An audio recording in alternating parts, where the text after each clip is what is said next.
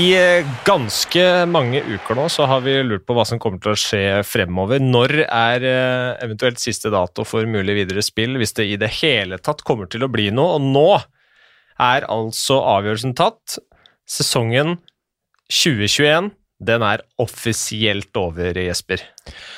Ja, dessverre. Dessverre, dessverre. Det er uh, trist, men sant. Sesongen er ferdig. Er dette en stor skuffelse eller stor overraskelse, Bjørn, eller hva venta vi det her? Det er en uh, veldig stor skuffelse, uh, og det er en svært liten overraskelse. Ja. Det, vi ser jo rundt oss uh, hva som skjer, ikke minst med Vikens nedstenging totalt av toppidretten. Av mulighetene for Oslo-laga for en tid tilbake fikk ikke trene. Vi har smittetopper hver eneste dag i uh, Oslo og eller på Østlandet, der flere av lagene er uh, lokalisert. Så det er ingen overraskelse, men naturligvis fryktelig leit at det ble nok en gang en hockeysesong uten et sluttspill. Og da var det selvfølgelig naturlig å få med deg, Kristoffer Holm fra Norges ishockeyforbund. Eh, hyggelig å ha deg med i poden igjen. Skulle ønske det var under eh, andre omstendigheter, selvfølgelig. Men eh, jeg regner med at det har vært en, en avgjørelse som, som har blitt tatt med ganske tungt hjerte, det her? Ja, først tusen takk, Jonas. Ja, selvfølgelig. Vi, vi er ikke på noen som helst måte letta over at det nå blir tatt en endelig, endelig avgjørelse. Vi har vel angripet angrepet dette som at det skal ikke stå på oss, og det syns jeg både utøverne og klubbene har eh, også gjort. Og så har vi sagt at eh, hvis vi ligger under med ett mål og det er to minutter igjen, så fortsetter vi å spille. Så det er det vi har forsøkt å gjøre. Mens vi nå mener at vi har kommet til et punkt at vi kanskje har strekt strikken langt nok med å forsøke å holde i gang og forsøke å finne måter å spille på, lage alternative serieoppsett og, og, og finne varianter. Eh, og, og, nå er nok det mest forsvarlige, både for helsa til spillerne og, og hensyn til klubbøkonomi og administrasjon og, og, alt mulig, og smittebildet selvfølgelig i samfunnet, så, så har vi bestemt oss for at uh, dette var det. Vi får pakke bagen, enn så trist det er.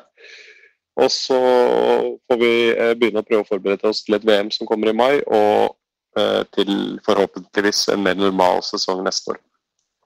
Det er jo altså den eneste form for forutsigbarhet som man kan gi i en situasjon som det her, det er jo nettopp dette, og det har jo vært, uh, vært skreket en del om nettopp forutsigbarhet uh, i en liten periode, Jesper. Men med smittesituasjonen, det går opp og ned, plutselig så stenges det ned der, plutselig så stenges det ned der når det åpnes opp uh, første, på første stedet. Også, altså det har vært en umulig situasjon, egentlig. Man må bare ta ta dag for dag. Eh, begeret har så å si eller rent over noen steder, og det forstår man jo også.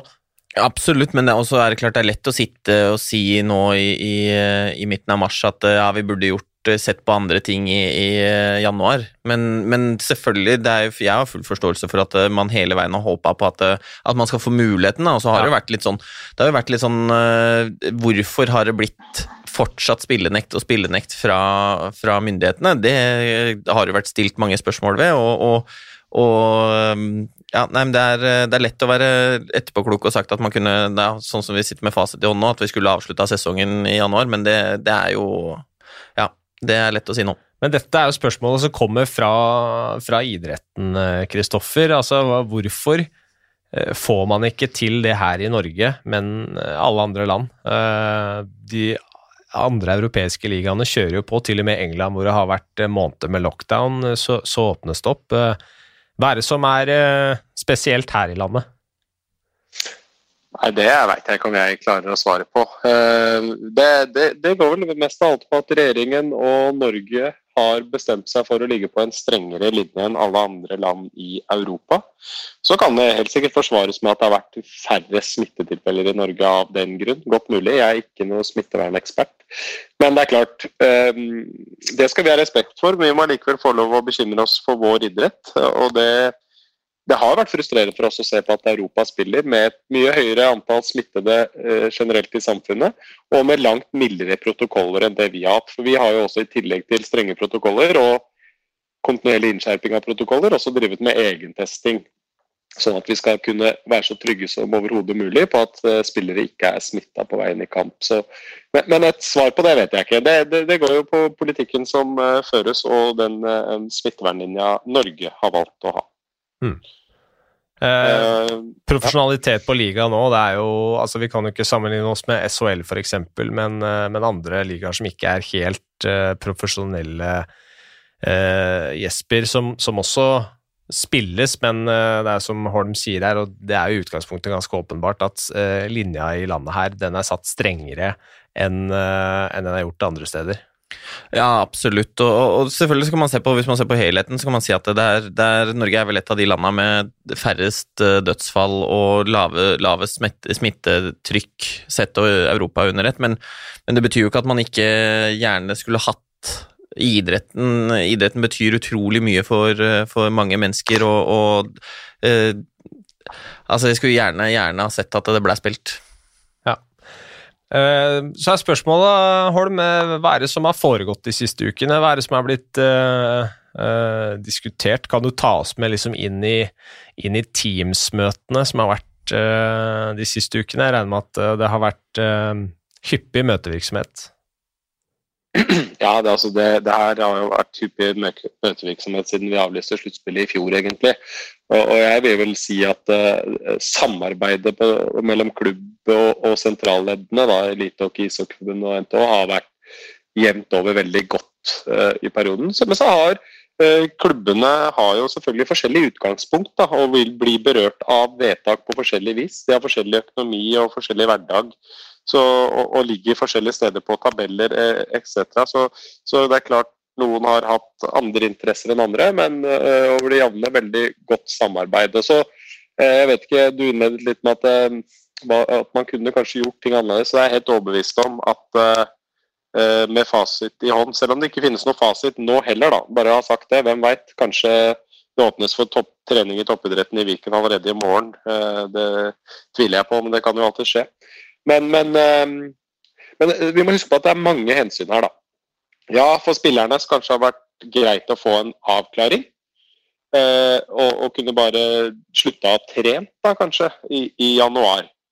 Men Ishockeyforbundet og klubbene har jo ment at uh, det er veldig viktig at spillerne trener. Også for deres framtidige utvikling og, og, utvikling nå. Det, vi må huske på at det er spillere, unge spillere som ser for seg å lage en karriere av det her som eh, i så fall ville mistet store deler av, eh, av sesongen, også treningsmessig.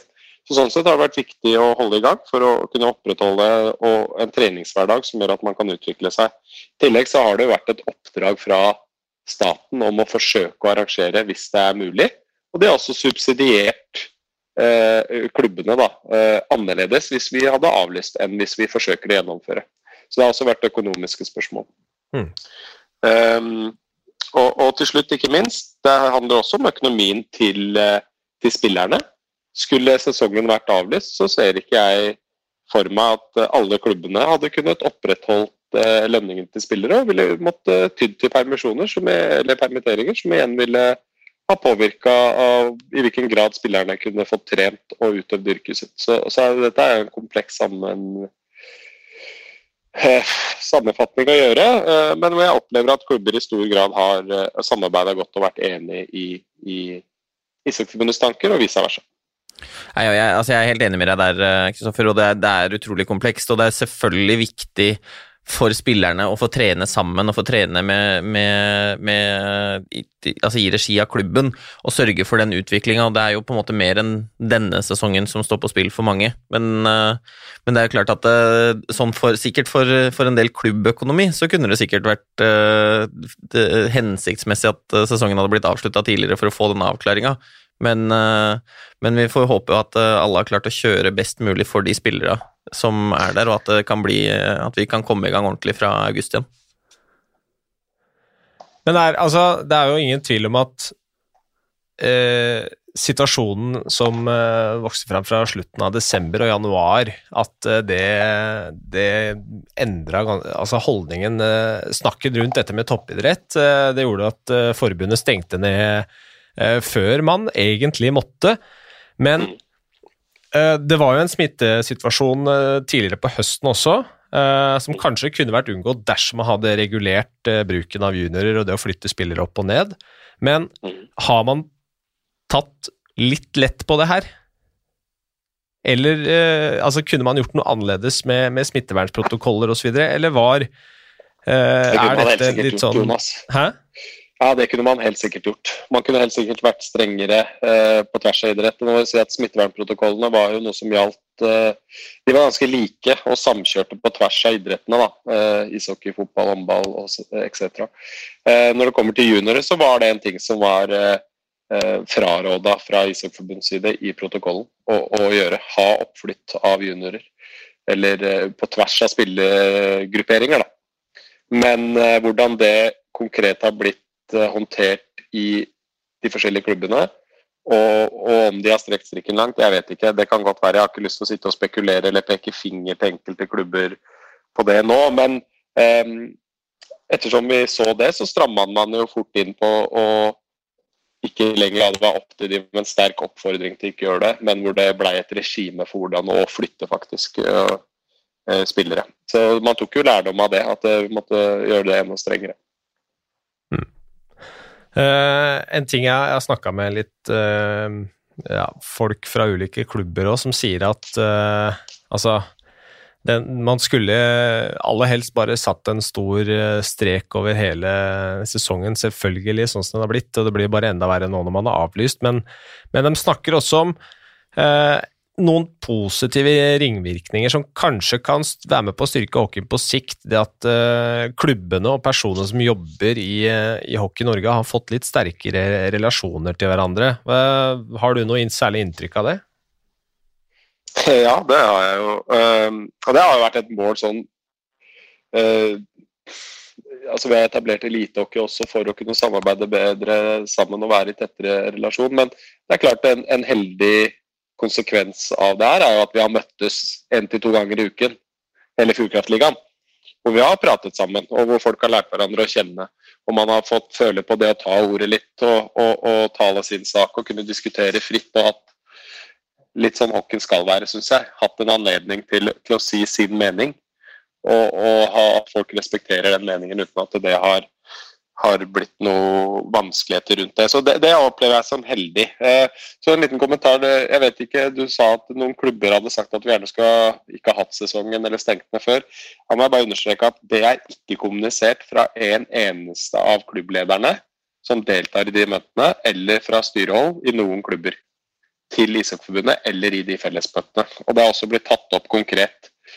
Eh, for hvis det er sånn at det fremkommer i media, som det for så vidt var vi tolka det i hvert fall litt. Litt sånn medieskriveri rundt eh, desember-januar-skiftet der.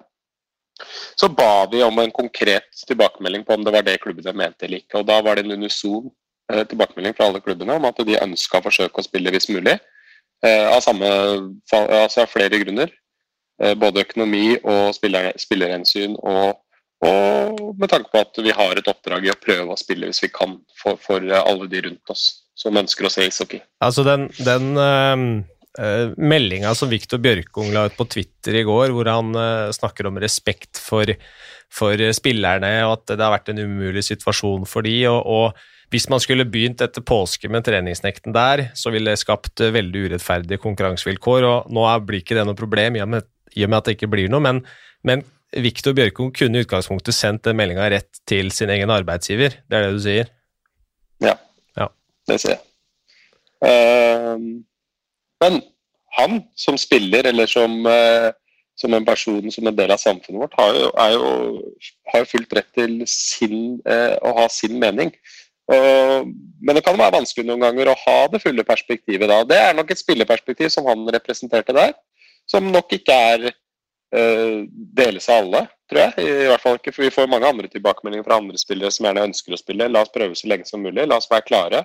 La oss heller spille med litt urettferdige sportslige innganger. Det er viktigere enn altså For gjennomført er viktigere enn selve resultatet. Men vi har hele tida måttet ta hensyn til det sportslige også.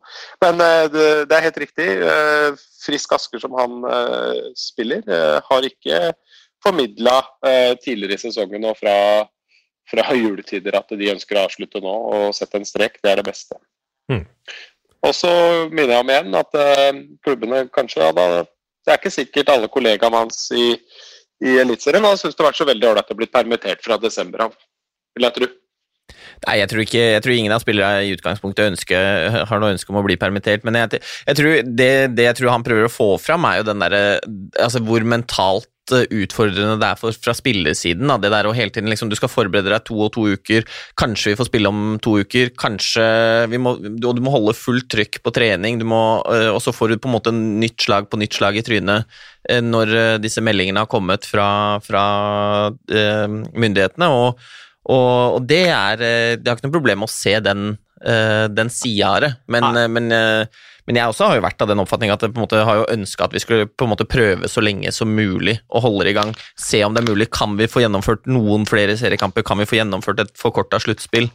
og også da gi de, de, gutta som skal representere Norge i, i VM, også best mulig forutsetninger for å gjøre en, en god figur der, da. Ja, Bjørn, det er, det er, sikkert eh, en stor del av spillere i ligaen som har sittet og sett på pressekonferanser de og, og tenkt uh, hvorfor gidder jeg å drive med det her nå? Ja, da, det er klart, men, eh, men det er som Kristoffer er inne på også, og, og for så vidt vi òg. Vi har jo hele tiden hatt et håp om at det kanskje skal bli endring, at det kanskje skal være rom for det rent smittevernmessig osv. til å spille. Så man kan jo forstå også at man hele tiden har hatt et ønske om å prøve å gjennomføre det man kan av seriekamper. Men ikke minst en sluttspill, i og med at man mista hele det i fjorårssesongen også. Så, så, så jeg, har noe, jeg, har egentlig ikke noe problem med og Jeg er for så vidt delvis enig også, selv om jeg kan se det fra spillernes uh, ståsted. Jeg, jeg, tenker jo at uh, Bjørkungs uh, utgangspunkt var vel litt i at resten av Europa spilte også. Det skinte vel litt igjennom at uh, jeg så på en del av kommentarene han fikk også, han er jo opprinnelig svensk. og Det var jo mye svenske hockeyfans som hang seg på der og, og skjønte ikke hva, hva, vi drev med her i Norge. Men det er jo som Kristoffer var inne på, at det er sånn myndighetene her har valgt å håndtere, håndtere denne pandemien. og Det er ikke så mye verken uh, Holm eller klubbene eller uh, dere to og jeg får gjort noe med, selv om vi gjerne skulle ønske at vi var i gang. Altså, jeg har full forståelse for den frustrasjonen. Altså, og Den frustrasjonen deler jo vi administrativt sentralt i Ishockeyforbundet, i klubber, Eh, helt sikkert de som interesserer seg for hockey. Dere i media som har dette som arbeid og et produkt dere skal vise fram. Det er jo ikke lett å forholde seg til at vi ikke veit hva morgendagen blir av regler. Og så uh, Med det sagt så, så, skulle vi ønske oss, som jeg var innom tidligere, eh, bedre kommunikasjon ovenfra fra helsemyndigheter, regjering osv. Eh, men Eh, men vi må sette litt i perspektiv. da? Vi er jo tross alt heldige, da, både utøverne våre og, og, vi som jobber med dette. De fleste har fått opprettholdt yrket sitt og driver med det. Ja, det er frustrerende, eh, men vi har fått til å holde på, og vi har holdt oss relativt friske. og Hvis vi tar hele verdensbildet og samfunnsbildet over ett, så er det nok mange som har hatt det enda verre enn en, en oss i ishockeyen. Selv om Eh, det hadde jo vært deilig, og, og, det hadde vært spart oss for mye ressurser. Og vi kunne kanskje hatt en annen innretning også til utviklingsarbeidet på is, hvis vi hadde visst og hatt litt mer forutsigbarhet. da. Så, så jeg skjønner jo frustrasjonen.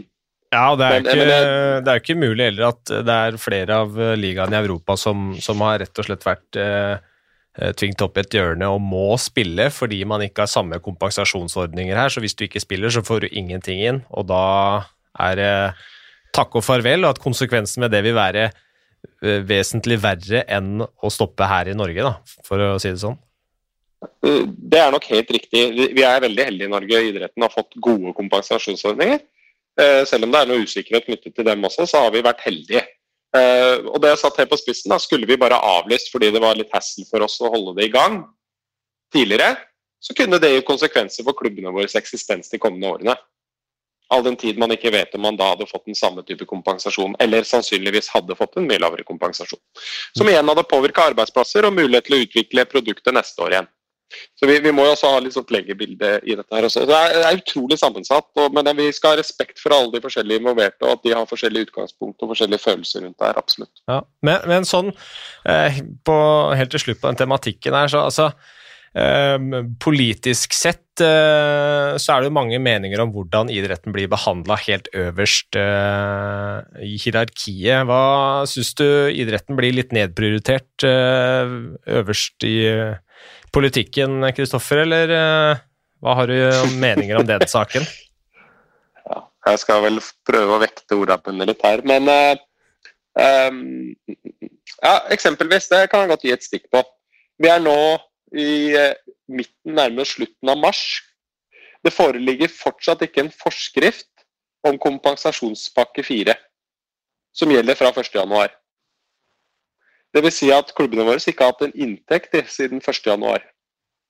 De, de vet heller ikke hvor mye de eventuelt får kompensert i toppidretten. Så har det blitt gitt mye penger. Vært gode kompensasjonsordninger som idretten har bidratt sterkt til å tilrettelegge for. Og så er det noen som har gitt pengene. Det er staten veldig bra. Men den usikkerheten eh, det representerer å ikke nå vite om man får 50 eller 70% for avlyste kamper, eller om det kommer penger, og når de kommer, det påvirker selvfølgelig klubbøkonomien. Både planlegging denne året og neste år, og selvfølgelig resultat for videre drift. Så det, det syns jeg eh, er underlig, da. Og, og, det fører til at vi antageligvis, når ikke forskriften foreligger ennå, det går enda et par uker til den foreligger, så må den behandles i Norge igjen.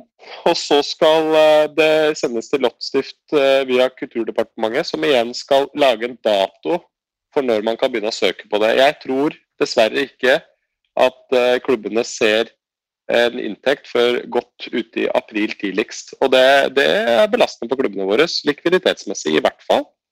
Og usikkerhetsmessig, selvfølgelig. Mm.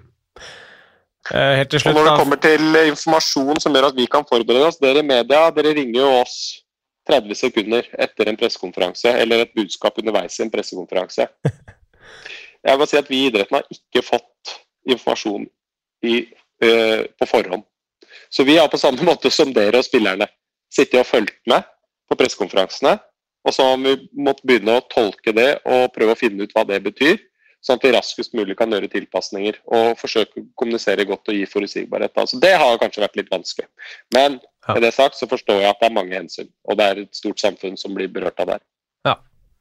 Akkurat det med hensyn, jeg vil bare, før vi må stikke, så vil jeg bare innom på det. og Det er jo eh, to tall som folk lurer på nå. Det er jo eh, ti eller tolv eh, med hensyn til hvor mange lag det skal være i Fjordkraftligaen kommende sesong. Det er kanskje ikke beslutta noe, men enn så lenge så er det jo Narvik som skal ned og Ringerike som skal opp. Kommer det til å bli noen endringer der, eller står man fast ved det vedtaket som har gjeldt fra sesongstart? Ja, 14.9. Eh, i forkant av seriestart og før man eh, visste hvilke lag som ville bli ramma av bestemmelsene, så brukte Ishockeyforbundet sommeren til å prøve å lage et så rettferdig eh, oppsett og scenariobilde som mulig så hadde vi ikke helt sett for oss eh, at det skulle bli så nedstengt som vi blei, men vi lagde likevel et scenario for det. Nettopp for å gjøre det i fredstid, når vi ikke visste hvem som kom til å bli ramma av det. Det ble vedtatt som sagt 14.9, og der ble det sagt at dersom vi ikke klarte å gjennomføre kvalspill, så ville rangeringen skje på et poengsnitt, og nederste lag i Fjordkraftligaen ville rykke nå, og øverste lag i førstedivisjon ville rykke opp. Ehm, så ble det sendt en henstilling fra NTH om en utredning av det, som eh, Ishockeyforbundet utreda sammen med klubbene. Og så kom det en henstilling å, fra NTH i etterkant av det til forbundsstyret om, å, om å, å, se om det kunne hensynta eh, klubbene i Fjordkraftligaen ved å ikke ha nedrykk.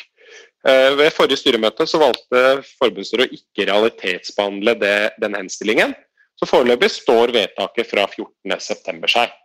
Og så vil det nå de nærmeste dagene bli tatt et, eh, et vedtak på nytt som eh, klargjør eh, akkurat dette. Om man enten står på de, det, det vedtaket som ble gjort opprinnelig, eller om man ønsker å utvide ligaene til flere lag. Eller Fjordkraftligaen til flere lag, med de konsekvenser det også gir for divisjonene under. For det må vi huske. Det vil jo påvirke hele, hele stigen vår med førstedivisjon, andredivisjon osv. Riktig. Eh, noen som vil eh, komme med noen synspunkter rundt den saken, eller Jesper men, eller Bjørn? Men, men, ja, vil, men vil det si for at, at, dere på eget uh, initiativ altså Hvis tolv uh, klubber jeg, Rent personlig så mener jeg det er helt feil vei å gå, men det er en annen diskusjon for så vidt. Men hvis dere da velger å kan dere på en måte velge å ikke gå på tolv og beholde ti, og plutselig finne på at ingen skal rykke ned og ingen skal rykke opp, og gå vekk fra det som har stått på en måte som kall reglement for sesongen hele sesongen nå etter at det er blitt avlyst? Jeg ser jo for meg at f.eks. Ringerike kommer til å fly i taket med en sånn type avgjørelse. Ja, dette er akkurat... helt vilt ut at dere kan gjøre om det nå, etter at det er over. Når alle lagene har forholdt seg til et sett med regler som skulle gjelde for sesongen fra 14.9. Ja, skal ikke jeg foregripe behandlingen til forbundsstyret på det, men, eh, men, det er klart at det var grunnen til at vi la disse retningslinjene før sesong. For at det skulle være klart om man skulle vite hva man skulle, skulle konkurrere om. Um, og I tillegg så ser jeg på det som veldig underlig, eller vi ser på det som veldig underlig, hvis vi to år på rad skal forhindre opprykk fra førstedivisjon. Det, det syns vi er vanskelig. Og vi har ikke bare Fjordkraftligaen å hensynta. Vi ønsker å lage en konkurransedyktig og en god førstedivisjon også. Og vi ønsker selvfølgelig at de skal konkurrere og ha ambisjoner om å komme opp i Fjordkraftligaen for å kunne styrke den ligaen på sikt og skape konkurranse i bånn også. Så, så, det høres jo rart ut å, og, kanskje kunne gjøre noe sånt. Da har man i så fall hensyntatt tatt øverste divisjon veldig mye mer enn man har tatt hensyn til eh, divisjonen under. Men rent praktisk så kunne man jo tatt et vedtak, men det kunne jo blitt bestredet, selvfølgelig. Og utfordra. Riktig. Riktig. Nei, men Kristoffer uh, det, det, er litt aktuelt. Vi takker for, for, tiden din. Du skal ut i ilden på andre arenaer nå, veit vi, så da, da, tar vi og rett og slett kaster deg ut av den podkasten her, så skal vi fortsette litt videre. Så for å ha takk for, takk for tiden, og lykke til med det som skal skje videre. Tusen takk. Ha det godt. Jeg tenker vi fortsetter på, ti 10 og 12 lag. Vi var litt innom det forrige sesong, vi snakka om det forrige vår, men det er jo et ganske interessant, uh, interessant tema. Og um, spørsmålet da er uh, det, det, blir jo veldig mye fokus på Narvik i diskusjonen. og er det, er det, derfor man snakker om å ikke gjøre det likevel, Jesper? At man heller skal hente opp to fra første divisjon? For å være helt ærlig, så tror jeg det. Uh, Narvik har vært uh, på mange måter en uh, stor berikelse for, for Gateligaen i fjor, Fjordkraftligaen i år. Det er utrolig gøy å ha med et lag fra Nord-Norge. Men jeg tror ikke denne diskusjonen som har gått litt på om, skal, om man skal liksom bare flytte opp to lag, hadde oppstått hvis det var snakk om at det var Gryner som rykka ned. Det tror jeg ikke. Men det er, det er min, si, min personlige, ærlige mening på det. Hva er din personlige, ærlige mening? Jeg, min personlige, ærlige mening er at uh, jeg tror det ligger noe i det Jesper sier. At det hadde vært uh, langt uh, mindre Altså det hadde vært langt vanskeligere å bare stå på den 14.9-regelen, eller det vedtaket, hvis det ikke var Narvik som gikk ned. Fordi man har et ønske om å ha Narvik i, i toppen med nordnorsk hockey, og det var mye rundt det. og det og det ønsker vi jo alle, men nå ble det nå engang sånn. Men samtidig så er det jo litt sånn Narvik har spilt, er det 27 kamper. Uh, og de har liksom møtt mye flere av de bedre lagene var det snakk om, enn det Gryner har gjort osv. osv. Men, men, men sånn er jo vedtaket blir gjort i september. Og, og, så har man jo måttet altså Fjordkraftligaen er jo tross alt uh, vår øverste divisjon. Det skal være en uh, semiproff liga. Og, og, det må på en måte organisasjonene forholde seg til også. Eh, og, og, vi har jo på en måte måttet gjøre en del endringer på serieoppsett og sånn pga. Narvik, fordi det er dyrt å reise og, og sånne type ting. Og, eh, og, på et eller annet tidspunkt så må vi på en måte komme dit hen, tenker jeg da, at uh, uten forkleinelse for Narvik, det er jo også noen lag som har ønsket, hatt ønske om å spille to ganger der oppe også, når de først er der, ikke sant? med tanke på at det er forbundet med flere kostnader. Men vi må på en måte komme dit hen av de ti lagene som spiller i Fjordkraftligaen, og vi skal ikke ha flere, er min mening, men det kommer vi tilbake til. Eh, at, at, på en måte man har økonomi til å være der, hvis man si det på den måten. At man ikke må lage en masse ekstra greier osv. Uh, ja. for å, å, være en del av de ti, ti lagene. Det må være noe krav til budsjetter, det må være noe krav til fasiliteter, det må være noe krav til hele opplegget. hvis du skjønner hva jeg mener. At ikke vi ikke må ha en masse skal det bli sånn, Nå er det vel like dyrt å reise fra Haugesund, men hvis de plutselig skulle rykke opp, så, så kommer de med noe krav om at der, regner det så mye, så vi får ikke trent ute på sommeren. altså Nå setter jeg det på spissen, da, men vi, vi kan ikke bare lage masse Er vi i Fjordkraftligaen, så har du på en måte ressurser, økonomi og alt mulig til å, å være der. Det er, er, mitt utgangspunkt. og Da nærmer man seg jo på en måte litt uh, utgangspunktet fra Tore Kristiansen her i fjor, eller hva det var, hvor hvor på en måte han ville ha en proffliga mer eller mindre, hvor man satte veldig sterke krav til fasiliteter. Det er ikke gjort, uh, og budsjetter og sånne ting. Det er klart det er ikke gjort over natta. Men, uh, men hadde man satt noen, noen, større krav, så hadde jo, og ikke gitt dispensasjoner hele tida, så hadde jo f.eks. ikke Gryner fått lov å rykke opp. For de har plass til 250 tilskuere eller hva det er for noe i, i hallen der. Men det gis dispensasjon hver gang. Og, og, og, igjen, det er en annen diskusjon. men Men jeg tror Jesper har helt rett. Det er, det, er, det, er, noe Det er synd å måtte sende Narvik ned, da. Det syns vi i utgangspunktet alle, egentlig. Ja, altså, også, det, er jo, det, det, er jo synd, det, men det er jo på en måte som, som, Holm var inne på her, og det er jo på en måte ting som var satt fra, fra, før sesongen, og som alle var enige om i fredstid. Og selvfølgelig så kan man sitte og diskutere om at Narvik har ut, utur nå som har møtt, møtt, flere gode lag, eller at de neste to hjemmekampene til Narvik hadde vært hjemme mot Gryner, eh, som kunne ha snudd opp ned på det hvis de hadde fått lov å spille en uke til. Men, men det er jo eh, på en måte er jo sånn sett egentlig helt irrelevant når alle visste premissene før sesongen. Så det, altså på en måte både det at det, forbundet burde jo stå på det de, som blei bestemt, uh, og at vi er enige om at det er uh, litt synd at Narvik uh, går ned. Ja, Det tipper jeg de aller fleste som, som vil spre sporten, er enig i. De aller fleste, bortsett fra de som, de som har følelser for Gryner, akkurat nå i hvert fall. Men det er jo dette med førstedivisjon og nivået der, den diskusjonen om 10-12 lag. Altså, en ting da, Som eksempelet du var inne på i stad, Bjørn. Hvis vi skal ha to lag til, eh, og så skal du kutte ned på utlendinger Nå vet jeg ikke om man kommer til å gjøre det neste sesong fordi ja, på grunn av diverse omstendigheter, men eh, skal du øke antall lag i ligaen, så må du ha en større bredde eh, av norske hockeyspillere. Det må være flere. Eh, skal vi ha bedre bredde nå? Beste kanskje og raskeste veien til det er jo nettopp å ha en sterk førstedivisjon, er det ikke det? Jo, jeg, jeg, tenker at Hvis du, du, er inne på dette med utlendinger, det var vel snakk om å redusere det også. Jeg, hvis jeg ikke tar helt feil, så mener jeg at det, at det blir diskutert ytterligere én ned da fra neste år. Eh, at jeg vært inne og sjekka den der trappa der, og jeg vet ikke om den ble 100 til slutt heller, for å være helt ærlig, jeg vet ikke om dere husker det. men men, eh, men, jeg bare mener at det var liksom to eller tre år med, med så mange utlendinger vi har hatt nå, så skulle man ytterligere én ned eh, etter noen år. Jeg, bare innbiller meg at det var neste år. Jeg er ikke sikkert det er det, så ingen får henge meg på det. Men, men hvis du tar høyde for at man på sikt skal gjøre det, så skal du ha da ti gode, forhåpentligvis, eh, utenlandske profiler mindre i ligaen. Og du skal ha opp 20-25 mann til ganger to. Da har du også 60 spillere til på landets høyeste nivå. Uh, og helt personlig så tror jeg, uh, er ganske sikker på, uh, at det vil forringe kvaliteten på ligaen. Altså Det blir for store avstander. Det blir enda flere lag som mest sannsynlig ikke vil kunne hevde seg. og da vil du jo spille fire runder, og det gir jo 44 matcher istedenfor 48 eller hva det er som, når, som, det er nå, eller 46. Og det betyr at de beste lagene skal spille én kamp mindre mot hverandre og så skal man spille ytterligere åtte lag da, åtte kamper mot to nyopprykka lag fra første divisjon.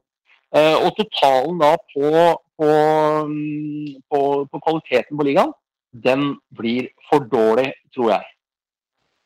Men, men er, det, er det de norske som er Hvis du fjerner, sånn som ligaen er nå, hvis du fjerner alle importer, det er kun nordmenn som er på de diverse lagene, hvor stor er forskjellen da? Blir den større mellom 1 og 10? Blir den mindre, eller vil den være det samme? Og hvis du tar gjerne med de to beste i førstedivisjon også, for å se litt på diskusjonen fra, fra det ståstedet, da. Fordi er det snakk om økonomi og hvilke importer du får til? Eh, fordi det er ikke sånn at eh, eh, Det er ikke for mange spillere altså med norsk pass i Fjordkraftligaen som bøtter inn 20-30 skåringer i løpet av en sesong heller. Nei, poenget er at hele, altså, altså, attraktiviteten av selve ligaen blir dårligere. For at De som skal erstattes, er Vi får ta høyde for at klubba gjør jobben sin ordentlig, og at de utlendingene som kommer til ligaen, er med å dominere. og Det ser vi i hvert fall hvis du tar det offensive, så ser man det i poengligaen. At der er det stort sett utlendinger som, som dominerer poengligaen. Og det er klart at uten alle de, så er det noen andre som selvfølgelig hadde leda poengligaen, som da hadde norsk pass. Det er ikke noe å lure på det, for vi har jo ikke noen utlendinger her. Men totalen på hele ligaen ville antageligvis ha blitt mye dårligere.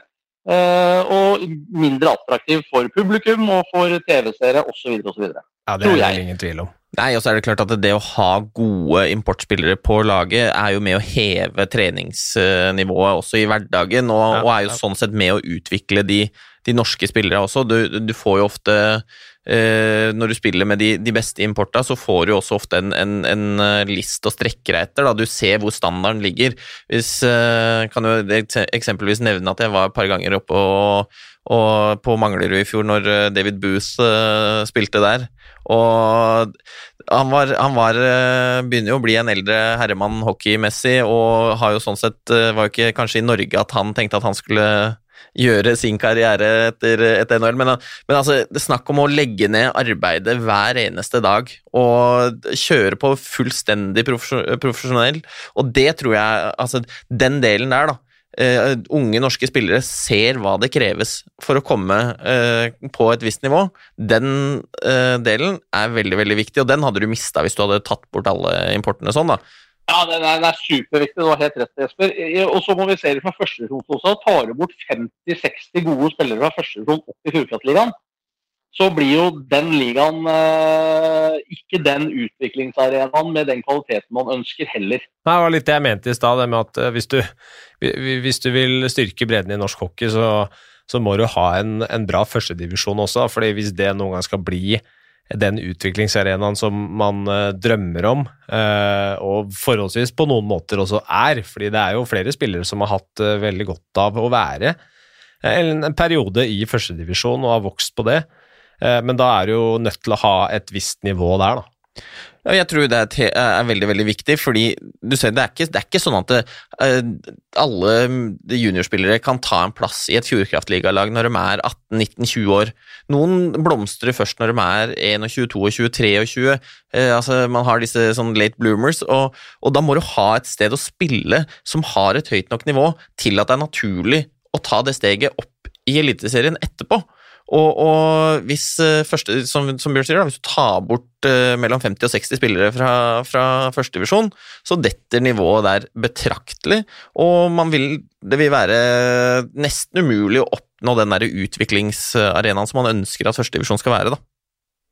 Hmm. Vi har fått et spørsmål fra Magnus uh, Kryssby.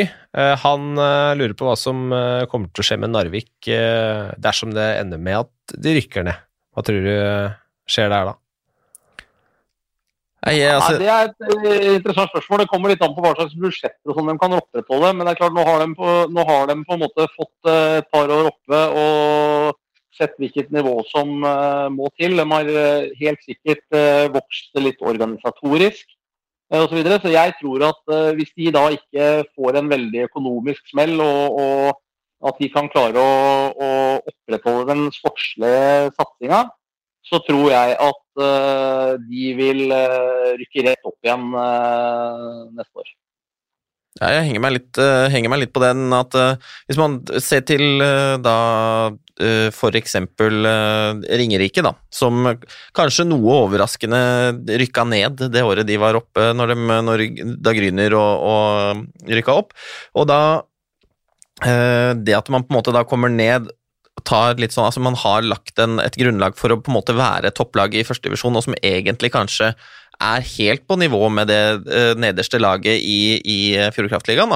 Det tror jeg da Narvik eh, har gode muligheter til neste år, gitt at de har, ikke får en økonomisk smell.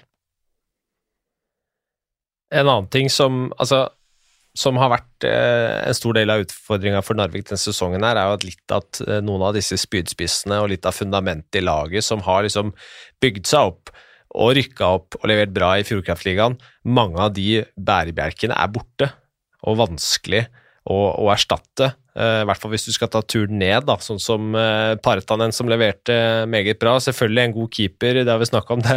Det er alltid mulig å få tak i en god keeper, men det har jo en verdi å ha en spiller som har vært i klubben noen år, og så kjenner, eh, eh, kjenner miljøet, som, som, har litt klubbfølelse. Eh, du har spillere som eh, Falk Larsen, Iska Kangas, eh, offensive bidragsytere som, eh, som, er borte og ikke kommer til å returnere til Narvik hvis de spiller i førstedivisjon. Så de har jo en vanskelig jobb med å bygge en tropp som skal være slagkraftig nok til å rykke opp igjen nå. Det er, det er jo ikke bare gjort av seg sjøl. Nei, og mange jeg vet ikke om de gutta kanskje har kontrakter som sier at hvis de mot formodning skulle rykke ned, så kan de gå noe annet sted. Så spørsmålet er jo hvor mange de eh, kan klare å beholde av de eh, primært norske spillerne som holder et, eh, et brukbart nivå der oppe. Og så skal de vel alltids klare å hente inn fire-fem utlendinger.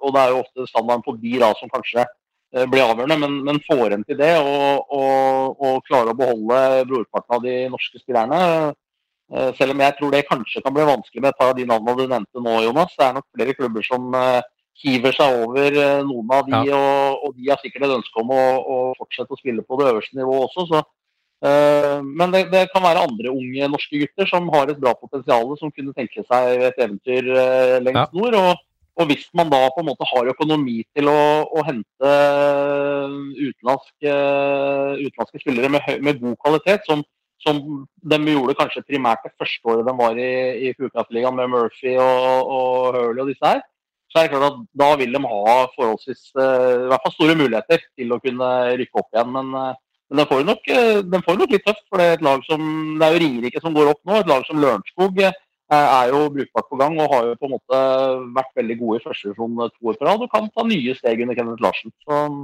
så, så, kanskje rett opp var vel kanskje litt offensivt å tenke at de gjør, men Eh, for jeg tror ikke de klarer å beholde alle de norske spillerne de kunne ønske at de kunne beholde der oppe for eventuelt en retur. Nei, det er, og det er jo klart det er flere der som har vist at de, at de holder bra, bra fjordkraftnivå. Både en Byrkjeland der og altså sånn som Sebastian Johansen, som, som dro fra Frisk og opp dit, som har spilt uh, mange år i, i, i, uh, i ligaen og, og, sånn. Det er jo en del av de som selvfølgelig blir vanskelig å beholde, vil jeg tro, men, men, klarer man å få på plass en bra, bra stamme der, så tror jeg at de skal klare fint å, å, ta en av de to øverste plassene og sånn sett gjøre seg klare for kvalik. Ja. Og da kan jo det aller meste, aller meste skje, og så er det klart at det, uh, uten at vi veit hvordan stallene ser ut neste år, så er det vel ikke helt usannsynlig at, uh, at uh, da både da eventuelt Ringerike og Gryner vil være de to som som i hvert fall er kandidater for å spille kvalifisering. Nei, det er nok uh, ikke mange som er uenig i akkurat det der. Um, og så er det jo den derre Altså um, vi, vi, har vært inne på det, dette med opprykk, nedrykk. Uh, hadde diskusjonen vært sånn hvis Narvik ikke Eller hvis det hadde vært Gryner som hadde gått ned. Men um, det er jo noe med det, og dette gjelder også mener jeg, opprykk for eventuelt en klubb fra Trondheim og Bergen, at man skal ha med de. Ja, alle er helt enige om at det er viktig at man skal klare å spre sport, men det må være like forutsetninger her. Og klubber som skal etablere seg i toppen, må tåle de akkurat de samme utfordringene når det gjelder å etablere seg på øverste nivå, som alle andre har gjort. Og det siste tiåret så er det bare én klubb som har klart det, og det er Manglerudstad når de rykka opp i 13-14-sesongen. Ellers så er Rosenborg, det er borte. Tønsberg, der gikk det åt skogen. Eh, Kongsvinger, Ringerike var et sjokkerende nedrykk, mener jeg. Eh, Lørenskog, der gikk det økonomisk eh, til helsike, for å si det sånn. Eh, hva er det som skiller MS fra de her, Jesper? Nei, altså Først og fremst så det er jo hovedfordelen til Manglerudstad er at det ligger i Oslo. Det er flest spillere på, uh, hockeyspillere på Østlandet. Eh, det er ganske mange som bor i og rundt Oslo. Uh, og det gjør jo at man har muligheten til å få tak i spillere som kanskje ikke er villige til å flytte andre steder, eh, fordi man har andre liv utafor Håken. Og det gjør jo at man kanskje er villig til å spille for en lavere pengesum, da, enn det du kunne fått et annet sted. Men sånn for, sånn for eksempel, hvis jeg skal bruke meg sjæl som eksempel, da jeg var ferdig i Vålerenga, så var det ikke så veldig aktuelt å flytte ut av byen. Uh, og da var det ikke så mange andre uh, alternativer. Og, og, på en måte MS blei et sted å, å, å, kunne fortsette den idrettskarrieren, men fortsette å bo i Oslo. Og det er på en måte, tror jeg, en del av hovedgrunnen til at MS klarer nå år etter år å være eh, i Eliteserien. Og så er det selvfølgelig sånn at de har vært De har også vært flinke til å Både det å få inn inn gode importer som på en måte er relativt unge, og som ikke koster så mye. Og så har man selvfølgelig nå etter hvert, både i, i fjor og i år, hatt litt, litt mer penger å bruke, da. Et, som vi også har diskutert tidligere. Og det har jo gjort at det, på en måte standarden på laget har jo heva seg, det nå. Ja. Og så skal du ikke undervurdere det at tross alt så er, er og har Manglerud vært en eliteklubb i yngres avdeling at man har et U21-lag i toppligaen, et U18-lag i toppligaen, selv om man kanskje ikke produserer like mange spillere nedover yngre som man gjorde uh, for noen år tilbake. Uh, så har man tross alt en junioravdeling på elitenivå.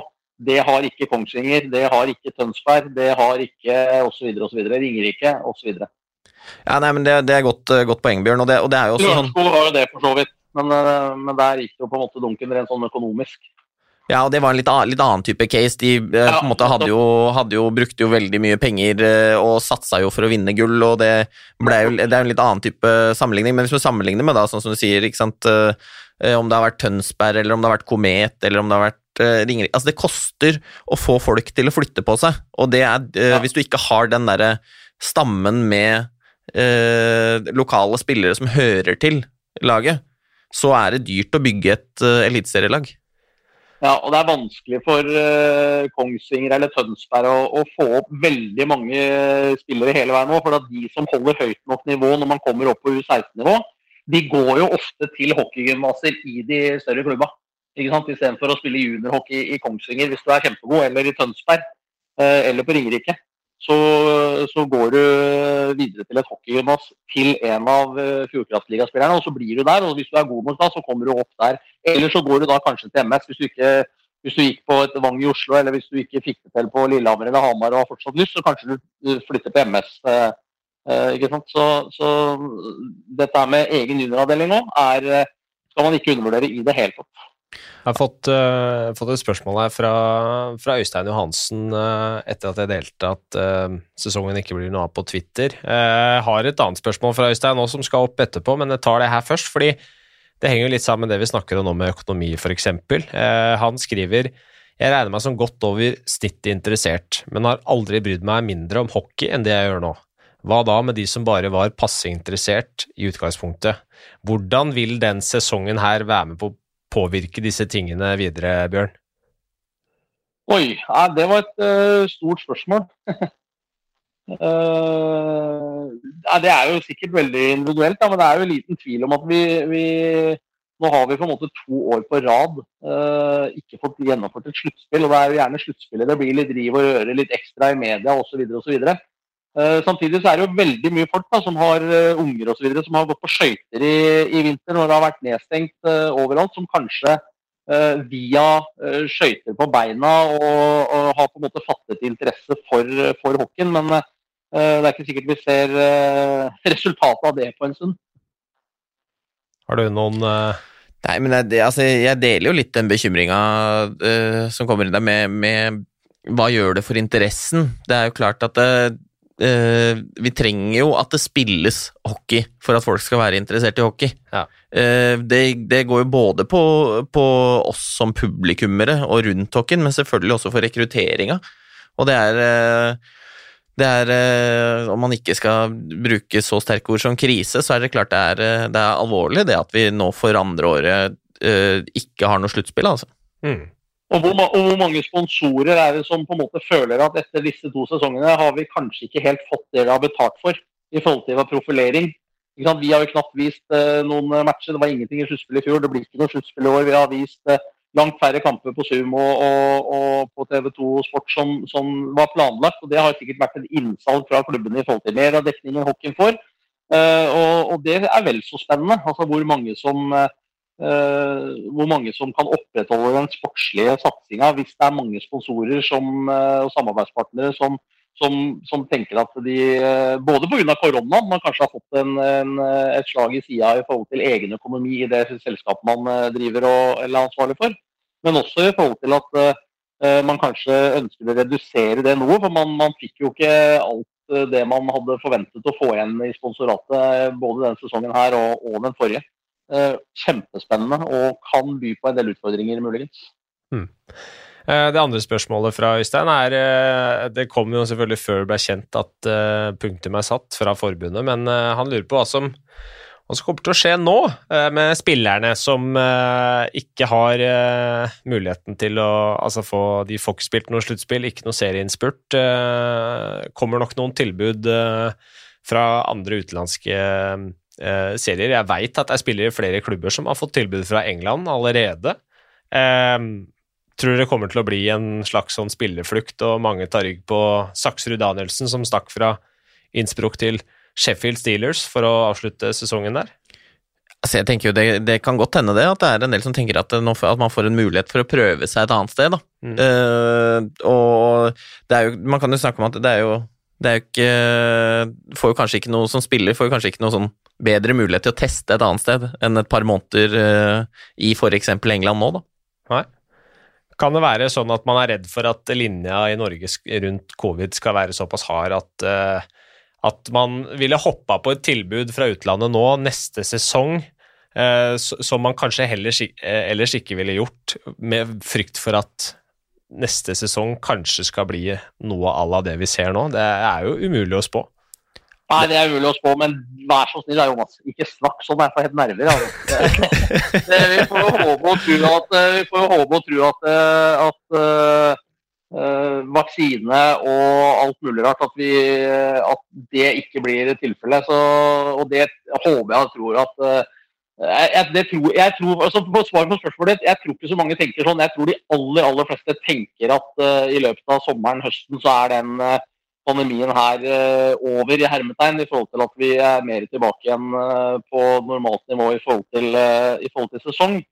Men at flere kan hoppe på noe tilbud nå uh, i England. Det er vel bare England som fortsatt har åpen uh, overgangsfrist, hvis jeg ikke tar feil. Jeg tror det er stengt i Tyskland. Jeg tror det er ah, okay, mars eller noe sånt. Og, ja. uh, I og med at England akkurat har starta opp, de har jo, skal opp, de, de, har jo vært stengt ned i hele vinter. De begynner å spille nå.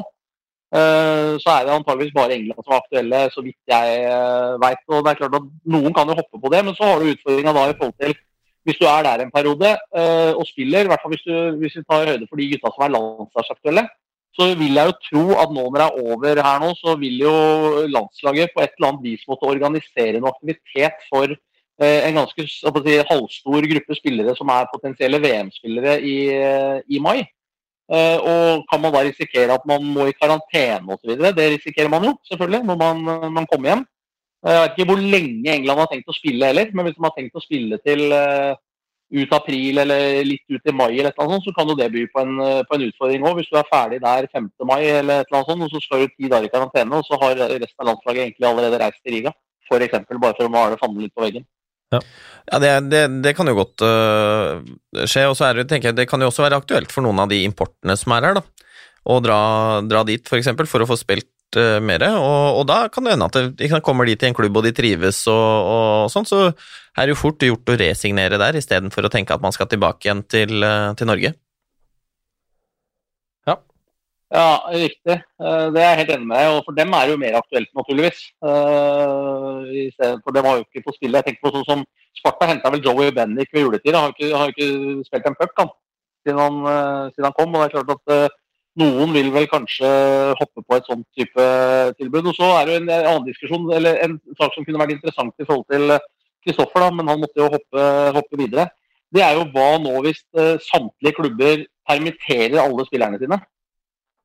Uh, hva da? Har de lov til å opptre for landslaget, eller må landslaget da på en måte ta de ut av permisjon og betale de type vanlig lønn uh, hele mars, nå i april og alt, hvis man på en måte må komme i gang med en, en aktivitet? Det er et ganske interessant spørsmål. for Jeg går ut ifra at den gruppa som eventuelt Altså VM-gruppa nå vil bli kanskje ganske stor, i og med at det er såpass tidlig. Alle er ryket ut. Altså Sluttspillet er ferdig og sånn i, i, Norge, så alle spillerne er jo tilgjengelige allerede nå. Ikke etter hvert i et sluttspill som det vanligvis er i, ja. i Camp Thoresen. Ja. Men jeg synes det er en inter interessant eh, problemstilling, Bjørn. For det er, og da skal, det er sikkert noen med, med, bedre koll på arbeidsrett enn meg som burde eh, svare på det, men det er ja, det var ikke, det var ikke et spørsmål til deg som du skulle svare på. Jeg bare nei, nei, nei. ut at det hadde vært interessant. Hva, hva, gjør, eh, hva gjør, man da? Ja, ja, det var det. alle. Ja, ja, men det er det jeg mente. Jeg, tenkte jeg skulle prøve, prøve å komme, komme, opp med et svar, men det var derfor jeg mente at det kanskje ja, noen, noen, noen, noen, med bedre peil på arbeidsrett enn meg. Men sånn rent sånn i utgangspunktet er du permittert, så, så er du jo egentlig skal du jo ikke jobbe. Um, og da er det jo, det er jo klart at det, da må du jo øh, Men du kan jo da, for permitteringsvarsel, så kan du jo også si opp jobben din med så og så lang oppsigelsestid. Og det er jo, da må du jo kanskje enten gjøre det øh, for å kunne delta på landslaget, eller så må du kanskje bli ansatt av landslaget. Eh, Sånn ja, eller så må forbundet eventuelt uh, si til klubba at uh, dere må ta dem ut av permisjon igjen, men dem får noe tilskudd av forbundet eventuelt. Altså, jeg, jeg vet ikke, jeg. Men, ja. Nei, da må må, må, må se om man kan mm, finne en eller annen uh, løsning på det som på en måte overholder Ja. hva skal jeg si, arbeidsregler. Og er man permittert, så er det vel faktisk sånn at man, som du er inne på, at man kan faktisk bli henta av andre klubber. Ja, det kan du jo også. Det er Man har jo en eh, toårskontrakt da, som går eh, over neste sesong også, så kunne man på en måte plutselig blitt snappa opp i juni da, hvis klubba permitterer spillerne over lang tid, akkurat sånn som skjedde i fjor. Ja, og da var det jo Da lagde vel klubbene en form for en sånn gentleman's agreement om at de ikke skulle Det gjorde vel fotballen også, men det skjedde vel litt av hvert der likevel. Ja da, det er fort gjort hvis du ser hvis det plutselig dukker opp noen muligheter, så kan du si nei, dette hadde vi planlagt i lang tid at vi skulle tilby, tilby han en kontrakt. Ja. Så det er mye som kan skje. Eh, skal vi se, vi begynner å nærme oss slutten her. Jeg har et par, par ting på lista igjen, faktisk. Eh, jeg kan jo nevne at vår, eh, vår venn Stefan Espeland, som var med i forrige episode, han har kommet godt i gang han, for eh, Salzburg. Har eh, to mål, seks poeng på, på sju matcher. Eh, Sukka leverer jo fortsatt eh, som en gud i NHL. Emilio leverer bra. Han har eh, ni poeng på elleve matcher i AHL. Eh, i tillegg så er det en russer eh, i Washington Capital som har eh, skutt seg enda litt eh, lenger opp på lista over tidenes beste målskårere, Bjørn. Så jeg tenkte vi skulle ta en liten bare en liten quiz ja, om, om Ovetsjkin. Oi, oi, oi. Den kom bardus på. Ja, ja, ja, vi må Ja, ja. Vi får ikke vite hva spørsmålet er på quizen før, vet du. Nei da, det er Han er nummer seks på lista nå. eh, Fortsetter jo å levere. Eh, Så er spørsmålet til dere Hvem er de fem som er foran på lista? Han tangerte vel Esposito nå? Gikk forbi. Jeg, gikk- jeg, gikk- jeg gikk forbi, be, Gikk forbi Esposito nå. Ja, da ville jeg Altså Gretzky er jo øh, naturlig å tenke, og sånn sett også Lemieux. Ville jeg kanskje ha gjetta på. Han er ikke Det er feil. feil. Nei, det er noen eldre karer, vet du. Eh, Men da spilte de ikke så mye matcher heller. Nei, jeg vil- Eh, Jeg ville sagt Brett Hull. Nei, jeg jager selvfølgelig. Jager er med, Brett Hull er med, det er riktig, det. Ja. Og han der som alltid er med på absolutt alt. Uh, Gordie Howe Gordie Howe er med. må jo være med. Ja. Det det er riktig. Da har dere tre. Nei, vi har fire nå, da. Hvem er, hva er det du sa for noe? Vi sa jo Gretzky, Ja, ja, selvfølgelig. Ja. Fire. Dere, ja. Så vi mangler én. Én er lett. Uh, dere mangler én. Marcel Dion. Ah, riktig. Nummer 16. En, jo, en joker. En joker. Ja, det var joker. Han er en uh, skikkelig joker òg. så er spørsmålet Jeg har ett til. Hvem er nærmest av aktive spillere, altså Ovetsjkin, på skåringslista? En gang til. Hvem av aktive NHL-spillere er nærmest Ovetsjkin på skåringslista, sånn totalt sett, da? Ja, det må jo være en som har spilt i 150 000 år, da. Eh, Big Joe, eller? Nei, men det er en god kompis, han. Marlowe. Ja. Ja, Patrick Marleau. Ja, Ja. Ovetsjkin på 718, Malot på 563, så er det et lite gap der, da. Um, sånn sett. Levert bra, han. Ja, brukbart. Ja. Har det ennå. En som ikke har det, det, det, det er Passaten din, Bjørn. Det er helt riktig. Nå har det vært så stille i eh, nesten et eh, Ja, det er vel eh, Vi begynner å nærme oss et år, vel. Det var vel på den tida her jeg nesten fikk den tilbake igjen. Men jeg skulle handle i går, så fikk jeg jaggu meg ikke ut. Jeg har jo en såkalt eh, hybrid, og den ladekammeren ladekameren den gikk verken ut foran på bilen eller i ladeboksen. Og jeg åpna og stengte. og gikk jeg hjem igjen, tenkte jeg nå skal jeg ta meg en halvtime og bare slappe av hjemme. Og så skal jeg gå over og så skal jeg se om bilen har funnet på noe mens jeg var borte. Men det hadde den jo ikke. Så da var det å ringe eh, Volkswagen eller Møller og få tips om hva jeg skulle gjøre. Og da, de tipsa jeg fikk, dem, det var å låse bilen. Og som jeg sa til en dame, da går det ikke an å få hverandre. Det er noe av poenget. Så jeg ringte til uh, mobilitetsgarantien. kom det en fryktelig hyggelig mann fra Bærum kranservice. Og han hadde akkurat samme bilen sjøl. Dro fram et, en batterilader og fikk jeg fikk vippa opp panseret. Så lada han opp det batteriet som er til åpner. Jeg visste jo ikke, altså, Det er en veldig rar løsning på de bilene. der, at ikke Når du lader bilen, så lader du ikke det 12-volts-batteriet som har med strøm og altså med aircondition og stereoanlegg og sånt å gjøre. Da, du lader bare selve drivkrafta på bilen, og det er jo en utrolig klønete løsning. Når man bare kjører på strøm om dagen og ikke er å kommentere en eneste hockeymatch, så blir det bare kjøring på strøm rundt i nabolaget. Og da får jo ikke den dynamoen kjørt seg, for den får jo ikke noe strøm. Så jeg må begynne å dra på langtur. Jeg tror jeg må kjøre meg en tur til Sarpsborg og til Hamar og Fredrikstad. Sånn. Rett og slett bare for å late som jeg skal kommentere. Sånn, late som jeg skal kommentere. Ja, altså, Jesper, ja. uh, Jesper faktisk, han later som han skal spille nå. Han har anlagt litt sånn sluttspillskjegg uh, som jeg ikke har sett før. Ja, jeg tenkte det. Dere håpa på at det skulle bli, at bli sluttspill nå. Jeg skal ikke tjuvstarte. Jeg har såpass dårlig skjeggvekst at jeg måtte liksom tjuvstarte litt. men, eh, så, men, jeg tenker, er det, men eh, som du sier da, Bjørne, blir det litt sånn, sånn barmarkstreninga inn før neste sesong? det da, Så drive oss og kjøre rundt til eh, de ulike hallene og forberede litt kommentering? Ja, jeg er sikker på at jeg får med meg f.eks. Libekk og sånn òg. Han, han skjelver jo etter å få lov til å reise rundt til Halla og hilse på og produsere sendingene våre, altså vår produsent. Så, så ja, jeg, det kan fort bli at man tar seg en tur rundt omkring og hilser på. Riktignok ikke nå, da, for nå er det jo restriksjoner på smittebesøk osv. Men Eh, det er jo ikke lov å feriere noe sted denne sommeren heller, i hvert fall ikke ut av Norge. Så hvorfor, hvorfor ikke ta en rundtur til hallene og hilse på folk i juli? Ja, er det en jeg kan skrive under på har det vondt om dagen, så er det Erik Libek, ja. Det, han er mør, han. Men uh, ja. Det var det, eller? Uh, vi har Det var det. Ja. Det var Men kjører vi en ny en om 14 dager, eller? Det kan jo være noe landslagsgreier, det kan ha skjedd ting og sånn? Ja, ikke det, ja. Vi, vi, har jo noen gode gjester på, på, på vei. Um, det har vi òg. Vi har uh, vi, vi, har glemt en ting, da, faktisk. Det er jo profilen vår. Så nå er det noen som må på jobb litt, uh, litt fort her. Uh, og, og, hente opp en profil opp av hatten som vi er nødt til å få i gang litt, uh, litt brennkvikt her. Den, uh, den, har rett og slett gått i glemmeboka. Ja, dette er jo din spalte, Bjørn. Ja, jeg har jo ikke tenkt på det i det hele tatt. For når den meldinga kom om at dette var over, så var det jo liksom det vi skulle på en måte ta. og Det er jo stort sett det vi har tatt og konsekvenser osv. osv. Så, videre, og så, videre. så mm, ja, da ja, den kom veldig, veldig, veldig bardus på, um, Jonas. Det må, jeg få lov å, det må jeg få lov å si. Da skal vi se. Vi har hatt fra Frisk Aske, vi har hatt fra Vålerenga, eh, vi har hatt fra Storhamar, og vi har hatt fra Sparta. Uh, hvem er det vi burde ta da, egentlig? Det er mange vi kan ta, for å si det sånn. Det er veldig mange, veldig mange vi kan ta.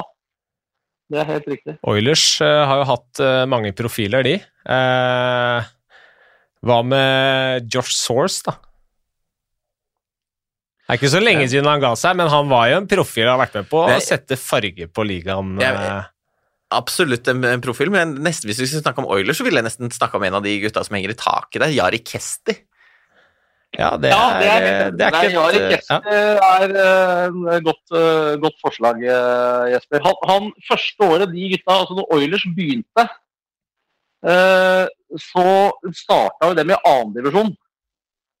Og da spilte jeg for Jutul, bare sånn hobbymessig, i tillegg til å være trener og alt mulig rart her borte. Så, så spilte jeg hobbyhockey egentlig i annendivisjon. Og vi vi var, hvis ikke jeg husker helt feil, det laget i annendivisjon som gjorde det best mot Oilers. Vi hadde en del gamle eliteseriespillere, bl.a.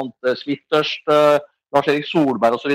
Og, vi tapte sånn som 16-3 og 13-2 og 14-1 og sånn, men vi var det laget de gleda seg til vi skulle komme på besøk til Stavanger. For da, da ble det i hvert fall litt ålreit match. Og, og Kesten hadde vel hadde, hadde 240 poeng førsteåret i andredivisjon. 160 poeng i første divisjon uh, og 56 eller noe i Eliteserien. Han vant jo poengligaen i andre, første og i, i toppserien tre år, tre år på rad der. Det er, det, er ganske, det, er en, det, er, det er en uslåelig rekord, uh, føler jeg. Ja, det, det var helt sjukt. Altså, jeg husker, de, de, spilte mot, mot Fåvard på Urdal med broren til Neka og sånn. Jeg, mener, jeg, mener han spilte på det Fåvard-laget. Jeg tror Oilers vant 33-0 på Urdal.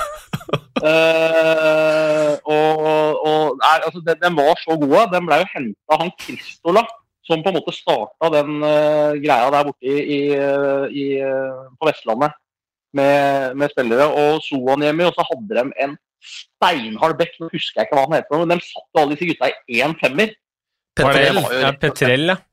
Men, ja, det var det kanskje han het, ja. Uh, altså, Den var så god. Det var, liksom, det var jo bare tøys og tull. De, de, de, de, gjorde jo akkurat hva de ville. Vi spilte mot, uh, mot uh, Jeg tror Kesti hadde tolv poeng mot oss i, i Bærumshallen når vi tapte 14-3 eller 14-4. 116 mål på 21 matcher. Han, han snitta, ja, og, han snitta over 10 poeng per match. Han spilte ja, ja.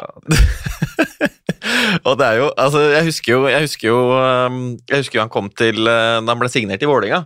Eh, etter, eh, etter det eh, første året i, i Eliteserien med Stavanger. Og, og, da var det liksom, da, da snakka man jo litt om at han ikke hadde levert, for han, da hadde han jo bare 19 poeng på 23 matcher. Da hadde han ikke levert, og da, så da, ble, da dro han jo tilbake til Stavanger midt i sesongen der. Og var jo tilbake igjen med eh, godt over et poeng i snitt så vidt jeg husker. Og nei, han eh, det er, eh, Men den der rekord med poengkonge i andredivisjon, førstedivisjon og Eliteserien sånn tre år på rad, ja, det er, det er sjukt, altså. Det er mange 200, Jeg gikk inn på Eliteprospekt nå. 200 hvis den stemmer, da. Når det er litt sånn tilbake til seg alltid det riktig. Men 226 i andre divisjon, ja. 150 i første divisjon og 63 i på øverste nivå. Det er helt sjukt. Det er mange av lagkameratene hans som, uh, som, fikk med seg, i hvert fall i andredivisjon der, som fikk med seg sikkert noen andre pass uh, som, uh, som, kanskje Altså, de hadde flere poeng enn hva de kanskje regna med å ha den sesongen, da. Ja, sånn. men han Soanemi var ikke dårlig, han heller. Altså, han rekkekompisen hans der, liksom, han var fryktelig god, han òg. De bekka der. Så, du kommer rett fra finsk eliteserie eller førstevisjon og, og rett i, i norsk annendivisjon. Altså, det, det var liksom eh, På den tida der så var det et par av gutta som tok seg en øl i baren før vi skulle spille her, liksom. Ikke sant? Når det var i Stavanger. Uh, og dem kom fra finsk eliteserie, så det er klart at det var jo det var, Men det var moro, da. Det var gøy å, De bytta du ikke hadde, så var det gøy å sitte på benken og se ut på isen og så se gutta herja og hadde det moro. Det... Ja, nei, Da fikk vi profilen nå, da. Det var en god profil. Bra forslag. Uh, og så skal vi dele ut et uh, Zoom-abonnement. Øystein Johansen får det. Takk for uh, to gode innspill.